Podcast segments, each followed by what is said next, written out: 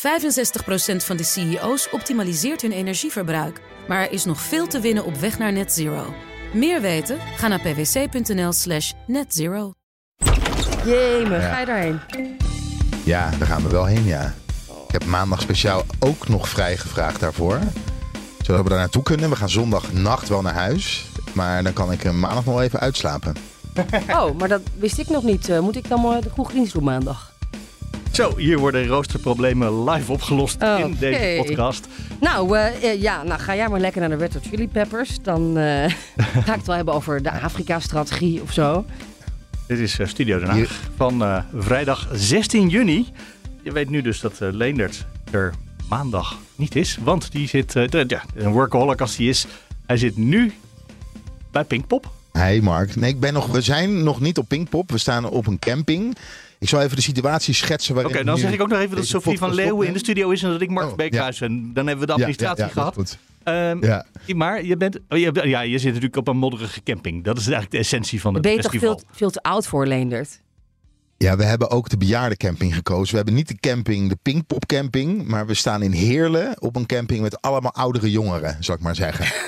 Die eh, het, niet, niet op kunnen brengen op een eh, camping met eh, constante muziek. Tien uur 's ochtends zit je al aan een biertje. Ja, ik ben, moet he- heel eerlijk zeggen dat we een biertje hebben opengetrokken. Ik zit nu met een biertje in een Tesla. Met een laptop voor mijn neus. Zit ik. eh, die Tesla is overigens niet voor mij, van mij. Even dat eh, voor de duidelijkheid. Nee. maar we zitten, zit ik eh, hier de podcast op te nemen. En ik moest jullie eventjes spreken deze week. Na de fantastische woensdag die ik gehad heb rondom het landbouwakkoord. Ja, weet je, je zei van de week, ik wil wel in de podcast. Zei ik, nee, maar je hebt vrij, dus dat kan echt niet. Je moet gewoon, als je vrij bent, ben je vrij. Zo simpel is het. En toen vroeg je het een dag later nog een keer. Het was eigenlijk meer een soort mededeling. Ik doe wel mee met de podcast, hoor. Hoe leuk was woensdag Ja. dan? Want Ja. het ging over het landbouwakkoord. En, en ik begrijp dat jij opeens fan bent geworden van Piet Adema. Daar moet je hem alles over vertellen. Ja, wat het, wat het is. Nou, laten we eens beginnen bij, eh, bij woensdag. Woensdag was dus de zoveelste D-Day voor het landbouwakkoord. En we hadden doorgekregen dat binnen LTO het heel onrustig is rondom het landbouwakkoord. En dat er eigenlijk een oproep was geweest vanuit de afdelingen van LTO. En ook van oud-LTO-bestuurders. Eh, zet hier niet je handtekening onder. Stop maar met dat landbouwakkoord. Wij kunnen eigenlijk als landbouworganisatie met de grote veranderingen waar de agrarische sector voor staat, daar, daar, kunnen, wij, daar kunnen wij niet aan mee gaan doen. Dit is meteen Dus- een mooi bruggetje naar de complottheorie die ik je graag wil voorleggen, Leendert. Mijn theorie is, ze zijn er al lang uit, de minister en eh, de LTO. Maar ze zijn bang voor de achterban en daarom hebben ze nog heel wat cirkers nodig. Zodat ze achteraf kunnen zeggen, hé, maar we hebben onderhandeld tot het gaatje. Dit is echt alles wat erin zat.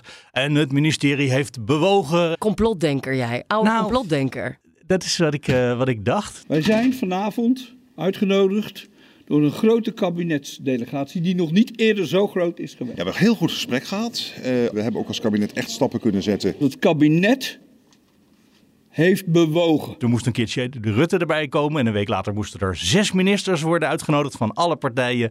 Echt, de boeren zijn zo belangrijk. Dat hebben ze laten zien. Eh, ze waren er eigenlijk al uit, dacht ik. Nou, dat is niet het geval. Eh. En daar ben ik echt wel zeker van.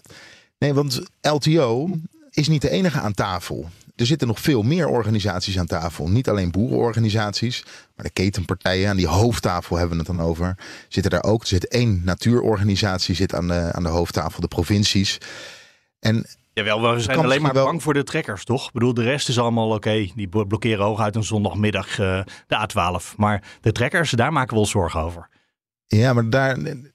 LTO wordt eigenlijk te groot en te belangrijk gemaakt. En dat maken ze zichzelf misschien ook wel. En LTO was echt naar, eh, land- naar Villa Ockenburg getrokken om de stekker uit het landbouwakkoord te trekken. Daar ben ik 100% zeker van. Maar dat is niet Nou, laat ik gebeurd. zeggen 99. Dat is, nou, dat is in eerste instantie wel gebeurd. Want ik ook vroeg naar de villa toe. En naar een prachtig landgoed. Was goed voor ons geregeld. Zij zaten in het hotelrestaurant. eh was afgesloten. Mochten wij niet in. Daarnaast staat er een kas. Konden we buiten zitten. En Het was perfect geregeld. We kregen gratis eten en drinken zoveel we wilden. We wisten al dat er een avondmaal voor ons klaar zou staan. En eh, ondanks dat ik wist dat het een lastige dag zou worden en dat LTO waarschijnlijk uit dat eh, overleg zou, zou stappen, was er wel een agenda opgesteld. En ik sprak de woordvoerder van het eh, overleg rondom het landbouwakkoord. En hij zei, nou, we zijn de agenda... Wat waren zo'n uur of twee, drie bezig. We zijn alleen nog maar met de agenda bezig. We zijn nog niet eens op de inhoudelijke punten aangekomen. Dus ik dacht, nou, we, we hebben nog eventjes. Dat was rond een uurtje of ah, half twee, twee uur denk ik. En ineens, nog geen kwartier later, worden we met z'n allen opgetrommeld. En eh, het is klaar, van de tak komt naar buiten. En toen kregen we de mededeling, het is geschorst. En we gaan vanavond op het ministerie van Landbouw... en toen op dat moment alleen nog met LTO... gaan we verder spreken over een laatste poging doen om de boel te lijmen. Maar op dat landgoed kregen we het soort tegenstrijdige signalen. Want het werd een schorsing genoemd. Maar we begrepen ook van Adema... ja, LTO wilde opstappen. En toen heb ik voorgesteld om, om het te schorsen en om verder te praten met andere ministers erbij. En dat kan je ook uitleggen als zwakte. Ik dacht ook eerst van eh, dit is zwakte. Hè, dat hij andere ministers nodig heeft. Maar daar kom ik zo op. Volgens mij is het een hele slimme zet geweest van minister Adema om het op deze manier te doen. Ja, want? Nou, het is Adema geweest die de boel op dat moment gered heeft. Hij heeft gezegd, laten we het nog één keer proberen. En dat heeft hij toen gedaan met, met vijf ministers en de minister-president, inclusief zichzelf dus. De minister-president zat er natuurlijk bij om ook de urgentie eh, eh, uit te stralen. Maar ook met Harbers van Water, eh, die over waterkwaliteit gaat. Belangrijk, 2027 moeten we Nederland zich de kaderrichtlijn water gaan houden. Eh Jette, hè, grote klimaatopgave, zou ook voor de boeren heel veel impact hebben.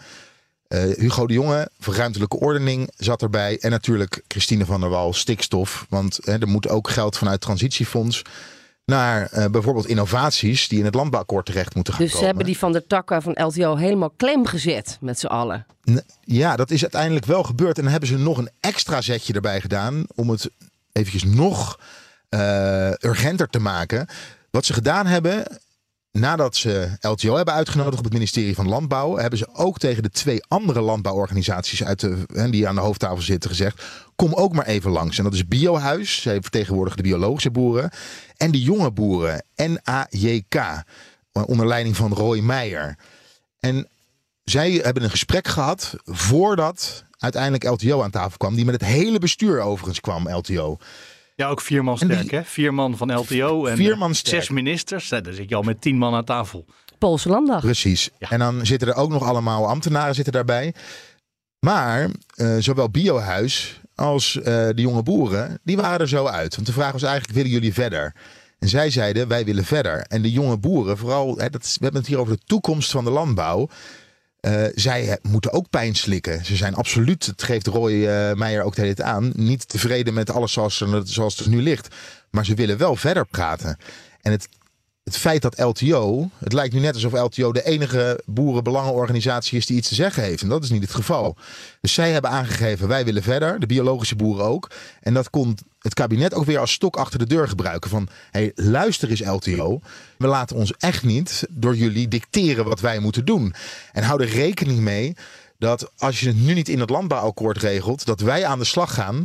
En als we het dan over de waterrichtlijnen hebben en over de klimaatdoelstellingen en over de, het stikstofpakket van Van der Wal, dan moet er zoveel gebeuren. Je kan nu beter proberen om zelf aan het stuur te blijven. En anders is je de- kans geweest. de-? Dat is natuurlijk eigenlijk de Anders is je kans. ge- Maar dan verpest je het ook voor de rest. Dan verpest je het ook voor de jonge boeren.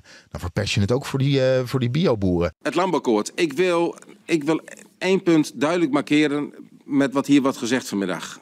Eh, alsof het zo zou zijn dat je beter de heer Van der Tak hier zou kunnen hebben eh, dan deze minister. Eh, het doet gewoon geen recht aan het traject waar we in zitten. Want als de heer Van der Tak het voor het zeggen had gehad in het landbouwakkoord... dan was er na een paar weken al lang een landbouwakkoord geweest. Juist het feit, juist het feit dat het zo lang duurt... en dat het zo moeizaam gaat... heeft er alles mee te maken dat, de, dat, dat de vragen die bij de landbouwpartijen worden neergelegd... de opgaven die er worden neergelegd, dat die groot zijn. En dat ook de vragen vanuit het kabinet aan de sector groot zijn. En dat het dus absoluut niet zo is eh, dat de heer Van der Tak bepaalt eh, wat er in het, in het akkoord komt, hoe dat in het akkoord komt. Hij bepaalt het tempo niet. Ik hoor hem deadline stellen. Hij bepaalt het tempo niet. Eh, en, en overigens, er zitten aan tafel meer partijen. En dat er soms een situatie kan ontstaan dat je met uh, een LTO een verdiepingsslag moet maken. Omdat er juist zulke grote opgaven op ta tafel liggen. En omdat de, standpunten soms zo ver uit kunnen liggen tussen kabinet en specifiek de agrarische sector. Maakt dat we af en toe met de heer Van der Tak om tafel zitten.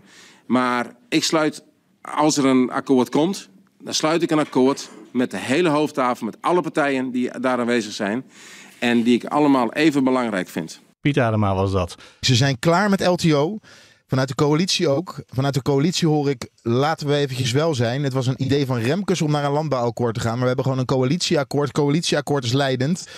Als LTO het voor iedereen wil opblazen, dan doen ze dat maar. Maar er moet nu een akkoord komen volgende week. Want anders gaan wij gewoon het stuur weer in handen pakken. En dan uh, gaan wij bepalen hoe de toekomst van de boeren eruit gaat zien. En dat is, en dan is er ook minder geld beschikbaar, hè? Ja, wat, wat gaat er volgende week gebeuren? Lene, welk kasteel moeten we ons opstellen als parlementaire pers? dat is...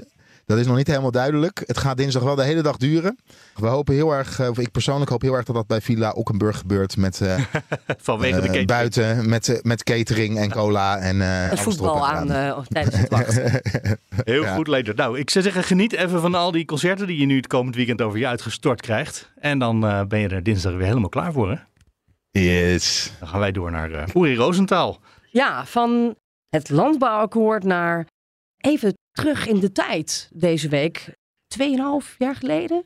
Drie jaar geleden zelfs. De coronacrisis. Er ging uh, in de Tweede Kamer over uh, het onderzoeksrapport van de Onderzoeksraad voor de Veiligheid. Um, over die periode, eigenlijk de zwaarste lockdown, de tweede lockdown Groot trauma voor ons allemaal, ook voor ons in Den Haag. Nachtenlang gedebatteerd, scholen dicht, avondklok. Uh, dat moet worden geëvalueerd, vindt de onderzoekraad. Herinner me, week in week uit zei Mark Rutte, u vraagt allemaal evaluatievragen aan mij, maar dat doen we na de crisis. Dus dit was het moment dat Mark Rutte, die daar niet zo heel erg goed in is, ging evalueren? Uh, ja, zeg ik dat voorzichtig dat genoeg? Dat was de hoop van de oppositie in de Tweede Kamer. Um, Uiteindelijk sloot de VVD zich daar ook wel bij aan. Maar uh, in de brief van het kabinet stond, nou, we gaan het toch maar niet evalueren, die avondklok. Want ja, dat is een, in, in, dat is moeilijk. eigenlijk geïsoleerde maatregel die je niet los kunt trekken van alle maatregelen in het pakket. Dus dat is heel moeilijk te onderzoeken. Het is ingewikkeld, complex, met de woorden van Mark Rutte. Ja. En dat leidde tot grote frustratie in de Tweede Kamer. Heeft de VVD met de kennis van nu spijt van het feit dat ze al die maatregelen van het kabinet hebben gesteund? Uh, spijt vind ik een groot woord, maar ik denk wel dat een aantal dingen nu anders uh, in de fractie besproken zouden worden. Ja. Overigens hebben wij toen ook aangemerkt dat dat de omgekeerde volgorde is. Dat eerst persconferenties worden gegeven. Voor de persconferentie ja. allerlei maatregelen worden gelekt naar de media. En vervolgens er een Kamerdebat over plaatsvindt. En volgens mij zijn daar ook moties over ingediend. Heeft de VVD daar ook weer tegen gestemd. Dus hij was veel te stellig. En dat zegt de OVV in het rapport wat we vandaag bespreken. Veel te stellig in de combinatie dat hij richting de huiskamers zei. dat die avondklok een reductie van besmettingen van 8 tot 13 procent zou hebben.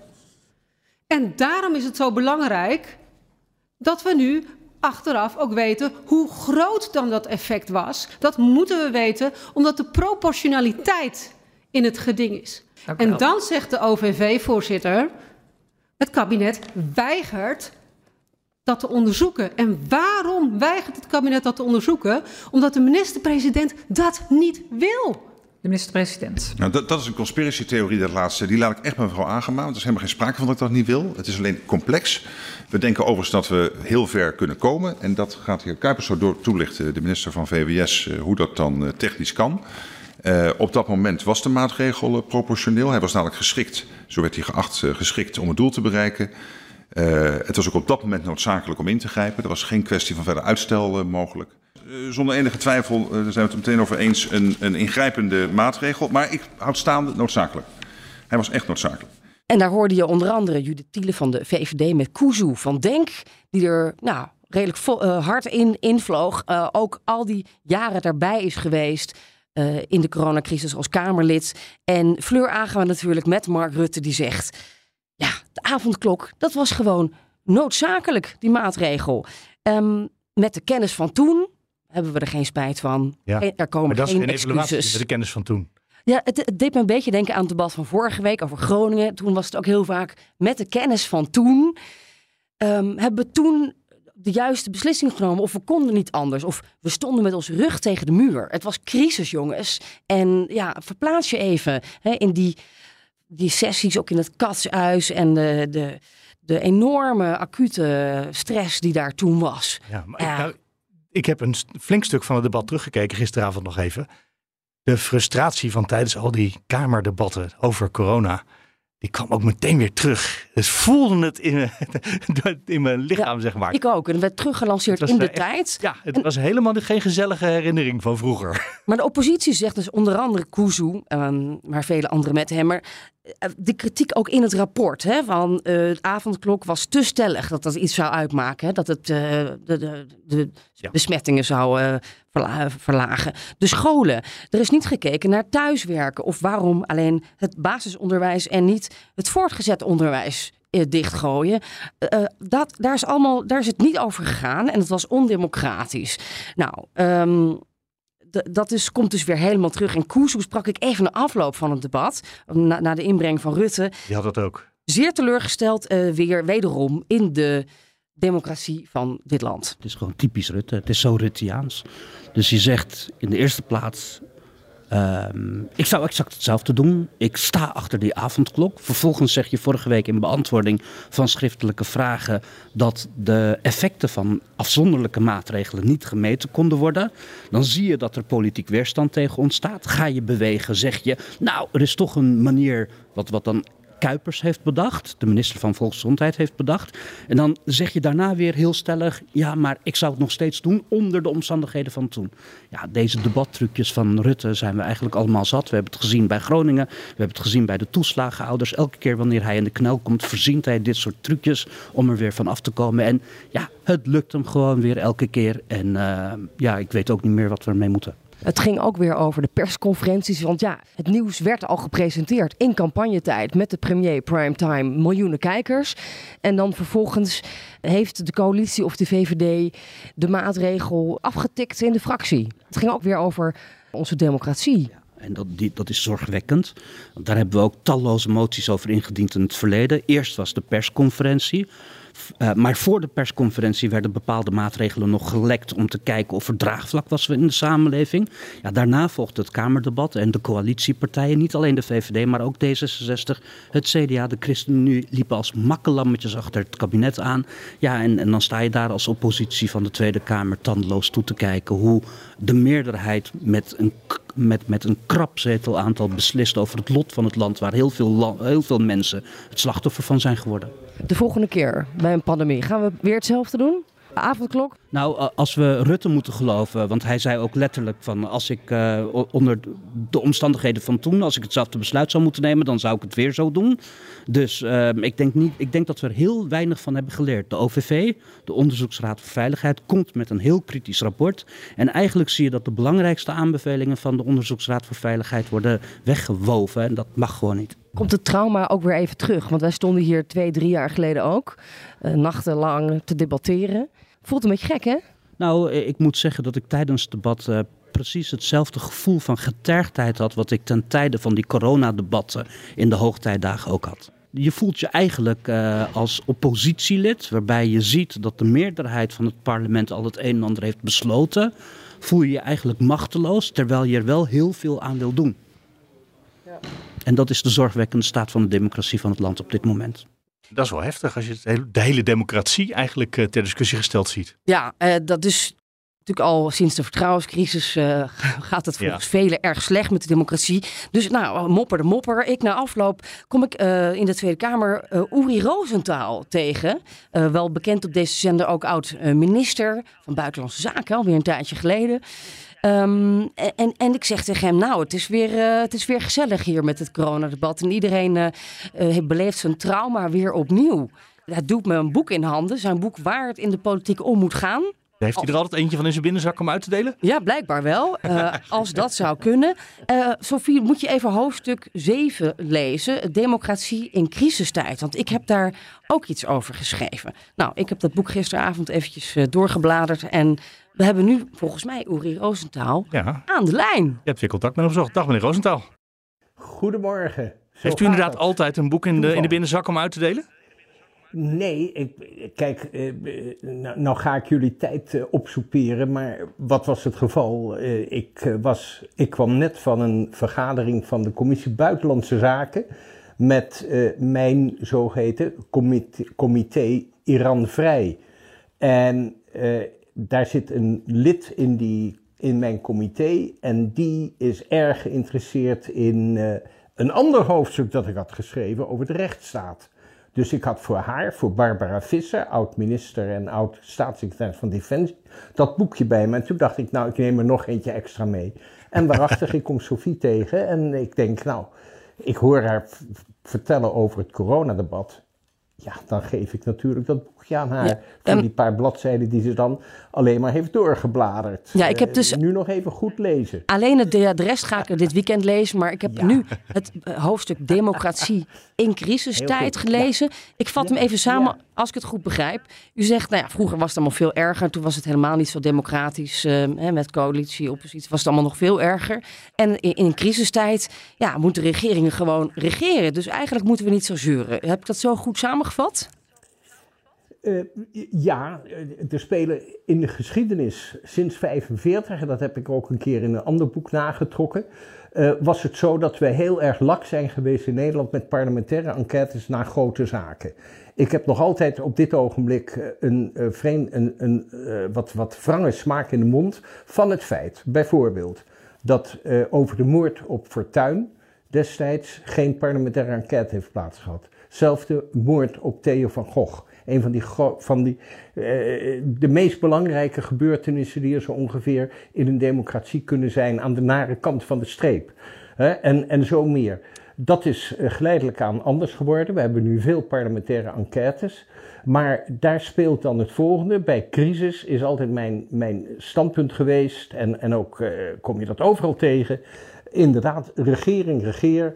En de Kamer, uh, die stelt dan de regering even voor, uh, voor die, die, die vraagt dan om verantwoording na afloop. Maar dat is ook al lang niet meer het geval, want crises, dat noem ik dan ook weer met mooie woorden, crises zijn zeer zwaar gepolitiseerd. En dat zie je dus ook in die coronacrisis, dat het niet lang duurde, na één, anderhalve maand, en de Kamer sprong er bovenop. Nou is het wel zo, mag ik dat er even aan toevoegen, dat de Kamer er bovenop gesprongen is, en dat schrijf ik ook in die paar bladzijden even op, dat op een manier waarvan ik denk van nou dat zou best beter gekund hebben. Twee concrete punten, Sophie. Uh, het eerste is uh, dat ik me altijd verbaasd heb over het feit dat er eigenlijk uh, op allerlei fronten dus in die Kamer over dat over die corona werd gedebatteerd door allerlei afzonderlijke uh, kamercommissies en zo. Maar dat er niet een soort van bijzondere commissie voor uh, een bijzondere coronacommissie is ingesteld. Waar je de zaken dus bij elkaar zou brengen. Maar de, die, tweede is. Meneer Rooster, even. De, de, de commissiedebatten ja. waren toch afgeschaft tijdens die coronacrisis in die eerste instantie? Ja, maar dan, dus. Ja, maar dan, dan kom ik bij, bij een ander punt. En dat is dat ik vind dat als ik nu terugkijk, dat ik eh, als een van de, van de punten ter lering ook zie, dat eh, wanneer zich zoiets voordoet, je eigenlijk mag verwachten dat de fractievoorzitters bij zo'n grote crisis eh, periodiek, regelmatig, hoeft niet frequent, maar regelmatig met elkaar een, een debat voeren met de regering over die crisis. Maar, uh, en dat je dus niet overlaat aan de, aan de, alleen aan de, aan de woordvoerders volksgezondheid, de woordvoerders economische zaken, de woordvoerders onderwijs enzovoort. Maar u zegt eigenlijk, de Tweede Kamer heeft het ook zelf laten liggen. Ja, de Tweede Kamer heeft het voor een deel ook zelf laten liggen. En dat brengt me bij een ander punt, dat schrijf ik ook in die paar bladzijden op aan het eind. Dat je geleidelijk aan ook ziet dat naarmate dus de Kamer zich meteen meer uh, bezighoudt ook en bemoeit met zo'n crisis, de Kamer natuurlijk voor je het weet ook deelgenoot wordt aan het hele proces. En dat zag je ook gisteren in dat debat, dat uh, Rutte op een aantal, malen, een aantal malen tegen de Kamer zei. Maar Kamer, u heeft zelf met grote meerderheid, zo niet soms bijna unaniem, ingestemd met die en die uh, maatregel. Dus voor je het weet krijg je bij een parlementaire enquête ook nog het probleem dat voor een belangrijk gedeelte, en naarmate de Kamer zich er meer mee bemoeit van meet af aan, neemt dat toe, dat de Kamer dan een soort van rechter in eigen zaak ook wordt. Maar kon dat, anders, meneer Roosentaal? Want er was, eerst was er dat het gelek werd aan de media. Daarna kwam er een uh, persconferentie. Uh, dan kwam daarna, uh, kwamen de vragen van journalisten. En uiteindelijk mocht de Tweede Kamer ja, nog instemmen. Daar heeft u volkomen gelijk in. Dat is een van de punten waar je dus inderdaad zeker kritiek op kunt oefenen. Althans, kritiek, het speelde zich af niet, het was geen keuze van de kant van het kabinet, maar eerder wrange noodzaak in die, in die hoge drukpan van die hectische momenten. Zeker ja, maar dan was het er ook een noodzaak van de Kamer om in te stemmen achteraf. Dat ze, die hadden eigenlijk niet meer de kans om te zeggen nee. Dat, ik, ik, laat me graag overtuigen door, door uw uh, uh, opvatting. En daar heeft u zeker een punt.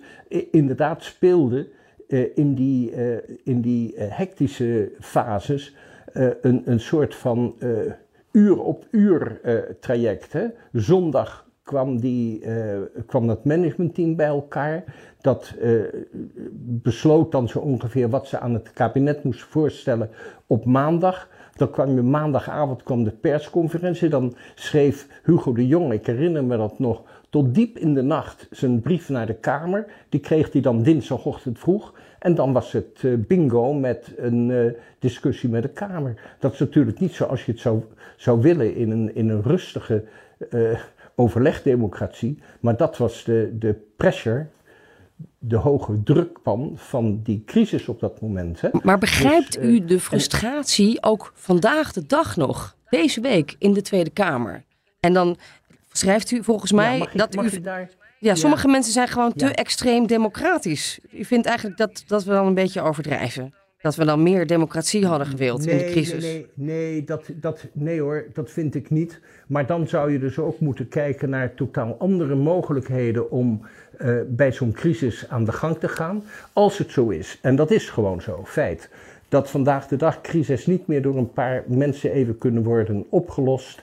Uh, liefst dan door een paar uh, technocraten. Maar dat een crisis een, een, een, zaak is die de hele samenleving ook heel sterk mobiliseert. En waarbij ook crisis in feite is een collectieve stress die door de hele samenleving heen gaat. Dan is het natuurlijk zo dat de democratie daar bovenop hoort te zitten. En dat betekent dus ook dat je vandaag de dag simpelweg moet accepteren en in zekere zin ook moet, ja, eigenlijk ook moet waarderen dat de Kamer er bij zo'n zo zaak niet zegt van, zoals ooit het geval was, regering, regeer en verantwoording achteraf. Dat is zonder meer waar. En dan kom je bij, bij het punt, en hoe moet de Kamer daar nou mee omspringen en hoe de regering ook ermee moet omspringen. Ja. En dan heb je dus ook internationaal allerlei mogelijkheden kun je daar vinden van hoe regering en volksvertegenwoordiging dan met elkaar kunnen verkeren.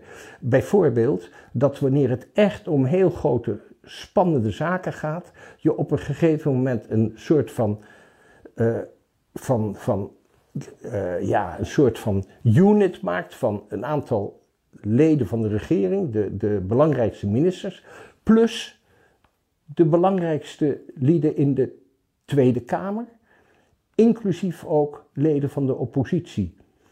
En dan zorg je ervoor dat je op die manier in elk, in elk geval de oppositie ook bij die zaken betrekt. Dus het niet doet volgens het ouderwetse, volgens het gewone traditionele punt dat we altijd hebben, dat de regering vooral uh, koerst op de standpunten van de fracties die met hen de coalitie dragen, maar dat ze er ook meteen ook die oppositie bij betrekken. Ja. Dat heeft dan natuurlijk het nadeel dat je niet meer die scherpte hebt misschien van voor en tegen, maar het betekent wel dat ook die oppositie dan de informatie meteen ook krijgt die nodig is om tot een standpunt te kunnen komen. Nou, dank u wel voor dit creatieve idee. Gewoon inkapselen, die oppositie. en de nee, avondklok ik, nee, hadden ze gewoon nee, moeten afschieten nee, dan. Ja, medeplichtig maken, even tuurlijk. Nog, even, nee, in, in, in, in, in, in 15 seconden. Uh, ik heb het dan bijvoorbeeld over, hè, dan denk ik met mijn crisisprofessie uh, in, in, in mijn hoofd, dan denk ik bijvoorbeeld aan, ja, uh, er komt een oorlog. En wat gebeurt er dan? Dan wordt de oppositie wordt simpelweg ook betrokken bij de besluitvorming die de regering op zo'n moment neemt. Zie uh, Engeland uh, 1940. Hè? Dan, dan wordt het dus een soort van nationale aangelegenheid die je ook als nationaal belang ziet om daar tot oplossing te komen. Uri Rosenthal. En het boekje, Sophie, dat heet Als dat zou kunnen. Waar het in de politiek om moet gaan. En ik ga alle hoofdstukken lezen. Het is niet een heel dik boekje. Ik denk dat je dit weekend wel redt. Uri Rosenthal is natuurlijk wel lid van de VVD. Dat moeten we er wel bij zetten. Maar toch dank ja, voor hoorde dit... je een zekere VVD-toon in het... Uh... Nee, nee, nee, te gewoon uh, voor de Hoor transparantie. Ik, hoor ik nou, nou goed het woordje toch? die is dan toch nog... Heel scherp toch geluisterd. nog welkom bij ons. Hartstikke welkom en bedankt. En uh, nou, we gaan het lezen. Akkoord, dankjewel. Hartelijk dank. Zullen we gewoon doorgaan naar een, andere, uh, een ander trauma? Functie elders. Ja, precies. Ah, en we waren, iedereen was al overspannen en overwerkt van al die nachtelijke debatten. Dat trauma bedoel jij, denk ik? Ik denk het wel. Uh, de, van de week was er een debat in de Tweede Kamer, of niet een debat. Het was een, uh, een ronde tafelgesprek met de commissie die onderzoek gedaan heeft naar de formatie. Oh ja, en, spannend. Uh, de Tweede Kamer heeft een aantal wetenschappers gevraagd hoe is het gegaan. Ik denk eigenlijk dat de meeste mensen het antwoord op die vraag wel meteen kunnen beantwoorden. Duurde best lang. Um, er alles, ging een hoop mis. Alles wat mis kon gaan, ging mis. Ja. Maar goed, deze wetenschappers hebben daar met alle betrokkenen achter gesloten deuren nog een keer over gesproken. En ook lessen getrokken voor de toekomst. Bijvoorbeeld, een van de adviezen die zij geven is uh, om te zeggen. Wij moeten de formatie opdelen in vaste perioden. Dus je geeft een informateur of een verkenner, die geef je zes weken. En dan moet hij terugkomen, verslag uitbrengen, kan de Tweede Kamer erover vergaderen. En dan komt er een nieuwe fase met misschien dezelfde verkenners, met een nieuwe opdracht. Zodat je dat tempo erin houdt. Van een keiharde deadline, net als bij het landbouwakkoord nu komende week. Ja, eigenlijk, nou ja, eigenlijk ook zoals de eerste fase ook altijd al heeft. De, de allereerste verkenners, die krijgen de opdracht op de dag na de verkiezingsuitslag om uh, het Kamerdebat voor te bereiden. Dat zal plaatsvinden op de dag dat de Tweede Kamer wordt geïnstalleerd. Dus is natuurlijk de oude Kamer zit er nog. Die kan dat ook niet echt doen, want die hebben de oude formatie, de oude verdeling nog. Uh, maar de fractievoorzitters kunnen wel met z'n allen een verkenner aanwijzen. In dit geval waren het er twee, waren Jortsma en Olongren. En uh, die moeten dan in twee weken ongeveer een rapportje maken. Die moeten alle fractievoorzitters langs. En uh, de beoogde fractievoorzitter, want ze zijn strikt genomen nog niet in de Tweede Kamer allemaal per se. Ik bedoel, uh, voor burgerbeweging was er nog niet, zou ik maar zeggen. Nee. Um, maar die moet dan wel alvast mee kunnen praten over wie wordt de verkenner en uh, wat hopen we dat hij gaat doen. Puur en alleen ter voorbereiding van dat eerste debat. Zodat je de eerste dag meteen uh, met een vliegende start kan dat beginnen. Dat was hun opdracht. Dus niet praten over Pieter Omtzigt. Nou, het is heel grappig. Het is nergens geregeld. En ik ben ook nog even, omdat het er van de week weer over ging, teruggegaan naar wat was nou de opdracht die ze gekregen hebben? Dus ik ben, er, is een, er is een website met alle kabinetsformatie, informatie. Alle brieven en documenten en persconferenties en alles. Er is niet een brief waarin staat wat de opdracht was. Er is wel een soort algemeen tekstje van ja, we moeten dus ons voorbereiden op, die eerste, op, die eerste, op dat eerste debat. Maar er is niet een, uh, een opdrachtbrief die ik, tenminste, die kan ik niet vinden op die website. Verklaart ook wel een beetje waarom het zo uit de hand is gelopen. Nou, ik zou ik je zeggen, ik ben nog even teruggegaan toen dan maar naar de persconferentie. Dat is van uh, dus de twee verkenners. Die net hadden gehoord van uh, de Kamervoorzitter Ariep toen nog. Jullie mogen de verkenning gaan doen. Uh, alle fracties zijn dit in meerderheid, vinden dat een goed idee. En we willen niet één, maar we willen deze keer twee verkenners. Eentje van de grootste partij, maar ook eentje van de best wel grote tweede partij. Dus een VVD'er en een D66er, uh, Joritsma en Ollongren. En um, daar hoor je, wat misschien achteraf uh, nu inmiddels wel duidelijk is geworden, maar daar hoor je eigenlijk een klein beetje dat die net een subtiel verschil van taakopvattingen hebben. Waarbij Joritsma iets meer is van, nou, we gaan dit even, dit is politiek, dit gaan we regelen op de manier die de winnaar zo goed uitkomt. Terwijl Ollongren heel erg in de ja, in de wat neutralere houding zit. Met, ja, we moeten gewoon iedereen gaan luisteren. U gaat nu dus eigenlijk verkennen wat de fractievoorzitters willen. Maar beoogt u wel om dan met een volwaardige formatie te starten? Er wordt ook nog wel eens gezegd een soort tussenformatie of iets dergelijks. Hoe ziet u dat? Nou ja, dit is nog niet de fase van de informatie. Hè. Dit is echt een, een verkennende nee, nee, fase. Een voorbereiding op wel Ja. een volledige... Nou ja, strikt genomen zijn wij het debat aan het voorbereiden. Het debat dat de nieuwe Tweede Kamer zal voeren. Naar verwachting op 31 maart. Uh, over de verkiezingsuitslag en over hoe je de informatiefase ingaat. En dat is wat we doen. Voorbereidend werk daarvoor verrichten. NRC. Zijn er standaard vragen die gesteld worden tijdens die verkennende gesprekken? Eh, want volgens mij willen jullie maar één ding weten, toch? Met wie? En met wie niet? nou, dat zijn twee dingen. Wij gaan, wij gaan morgen benutten juist om dit soort dingen met elkaar voor te bereiden en te bespreken. Ja. Dus uh, daar zijn we gewoon nog niet aan toegekomen. Er is niet een soort handboek. Uh, ja, dat is er wel. Carla van Baal heeft ja, Jawel. Ja. Volgens ja. mij zijn er ook wel, er zijn wel natuurlijk wel allemaal prototypes. En wij gaan strepen, dat doen we wel, dat doen we niet. Dat gaan wij zelf bedenken. Ja, ze gaan zelf bedenken wat ze gaan doen. Ja, maar... Uh, dus... Daar hoor je als Joris maar meer ruimte voor zichzelf maakt dan Ollongren. Ja, maar als het gaat over wie niet, dan was het uh, wel duidelijk dat Pieter Omtzigt, dat ze die niet uh, bij het, in dat plaatje zagen. Ja, behalve natuurlijk dat... Dat is nog helemaal niet de fase. De fase is welke partij wil met welke partij en niet... Oh ja, hij had toen nog geen partij of een... En hij was nog bij het hij CDA. Hij was nog CDA, ja. Dus de vraag was, willen we wel of niet met CDA? En maar, dan maar... is de vraag, uh, wat doen we met Pieter Omtzigt? Ja, dat is niet helemaal die fase ervoor. Nou ja, goed, dat heb ik ook niet verzonnen. Dat is al uh, vaker uh, naar buiten gekomen. Maar dus dat is wel interessant dat dat... Je hoort gewoon al dat... De, de, de, want achteraf is ook naar buiten gekomen dat Jortsma degene was die hier waarschijnlijk over begonnen is. Nou, je hoort in de, pers, in de persconferentie, ja, helemaal aan het begin van hun verkenningsopdracht, hoor je al dat zij die ruimte misschien ook wel neemt. Ja, ja Jorisma, de vertrouweling natuurlijk van premier Rutte. En die ook in die periode zeer onder vuur lag in de, toeslagen, in de toeslagenschandaal. Ja, daar komt er nog eens bovenop. Dus uh, vandaar de functie elders. Maar dat weet iedereen. Ja, dat en is wat geschiedenis. Maar het is geen ja. geschiedenis, want het gaat dus door. Ja, wat ik interessant vond aan uh, het debat wat er eigenlijk ontstond. Het is een hoorzitting, dus eigenlijk is het de Kamerleden stellen vragen aan die commissie en die geven dan een antwoord. Maar er ontstond een soort debat over wat nou de vertrouwens, het vertrouwensprobleem was. En de commissie zei, op een goed moment zijn allerlei notulen die geheim zouden blijven, gespreksverslagen, die zijn openbaar gemaakt. Dat was hè, die foto, functie elders, die kwam naar buiten. Toen was er ineens helemaal geen vertrouwen meer. En toen was er besloten, weet je wat, we doen gewoon alle documenten die we nu hebben, die geven we aan de Kamer. Zodat ze kunnen zien wat er gebeurt. Ja, waardoor ook Jesse Klaver, hè, GroenLinks, uh, in, in, verlegenheid gebracht ja. werden. Want zij wilde heel graag trouwen met Rutte, maar en toen toch maar weer niet. En toen toch ja, maar precies. samen met de P van de A. Ja, die commissie die dat onderzocht heeft, die ging heel erg het uh, gesprek in met de Kamer. Met op het moment dat je de afspraak schendt, dat je dingen vertrouwen houdt en dan toch openbaar maakt, dat is het moment dat het vertrouwen brak. Maar dat is niet hoe ik het net beschreef. En dat is ook niet hoe de Kamerleden het uh, ervaren hebben. Die zeiden nee, er was een vertrouwenscrisis. En als oplossing was het openbaar maken van die documenten. Ja, na de fotofunctie elders. Ja, precies. Dus dat is interessant. En uiteindelijk ging die commissie er ook wel in mee.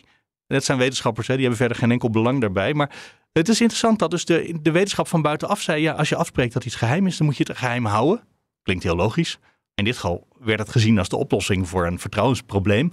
En de Kamer zei echt, er was gewoon geen vertrouwen. En daarom moest dit gebeuren. En uh, dus ontstond er van de week ook weer een discussie over de vraag... of er toch nog weer eens niet over uh, omzicht uh, gediscussieerd moet worden. Ja, waar omzicht dan zelf eigenlijk... Ja, hij wil het wel, maar eigenlijk zit hij er ook weer niet op te wachten. Dat mevrouw Jortsema en mevrouw Ollongren in plaats van verstoppertje spelen, wat ze nu twee jaar gedaan hebben, gewoon vertellen wat er gebeurd is. Het gaat er niet om dat er een keer over mij gesproken werd. Ze hebben in het kabinet over mij gesproken, ze hebben van alles gedaan. Het gaat erom dat ze hier gewoon over logen. Dat is altijd het probleem. En daar kunnen ze nog eens een keer gewoon vertellen wat ze gedaan hebben. Ik hoop dat dat dus nog deze week kan. Daarna, ja, ik heb geen behoefte aan nog weer een lang debat over mezelf, zal ik het maar heel eerlijk zeggen. Dus uh, ik bedoel, dit, we hebben een stikstofcrisis, we hebben problemen met de zorg, we hebben grote problemen in de woningbouw. En dan gaan we weer over onszelf praten. Dus nou, daar zit ik niet op te wachten. Ik zou het niet in een ronde tafel, maar een hoorzitting doen. Want even voor de helderheid, zij dienen gewoon één voor één te antwoorden wat er aan de, aan de Kamer gevraagd wordt. Zorg nou gewoon dat je in één keer volledig schoonschip maakt door te vertellen wat er daar gebeurd is en wie welke rol uh, gespeeld heeft. Nou, dan moeten ze wel gedwongen worden, want tot nu toe is ze dat een paar keer aangeboden. Wilt u alsnog vertellen, mevrouw Joritsma, mevrouw Longren, en die hebben allebei beleefd geweigerd.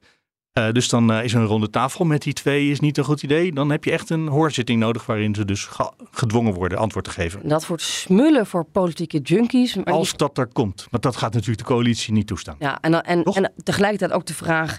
Zitten we, gaat, gaat die vertrouwenscrisis eindeloos weet je, ooit ophouden? Want op deze manier moddert het ook maar door met dat wantrouwen. Dus ja, ik vind Ja, maar het, zit eh, dat misschien ook niet gewoon in dat dezelfde mensen er nog steeds zitten? Want ik stelde me ook voor, ik vond een heel goed idee, die eh, zes weken periode. En dan kom je terug met je verslag. Maar stel je even gewoon, eh, niet praktisch, maar stel je nou eens voor dat Mark Rutte zo'n informateur zou zijn. Die dan dus elke zes weken verslag moet komen doen van wat hij nu bereikt heeft. En dan mag de Tweede Kamer erover vergaderen. Wat zegt Mark Rutte op elke vraag over iets wat nog niet helemaal uit onderhand is, onder, uit onderhandeld is? Eh, sorry, daar kan ik op het ogenblik niks over zeggen.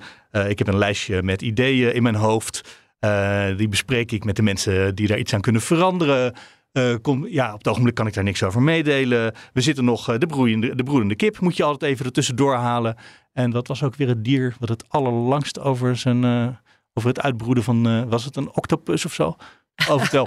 Eh, Geen idee, schildpad? ja, dat komt uit een van de Kamerdebatten. Dat eh, een broedende kip, dat is een paar dagen. Maar eh, er zijn ook dieren die er echt vier jaar over doen.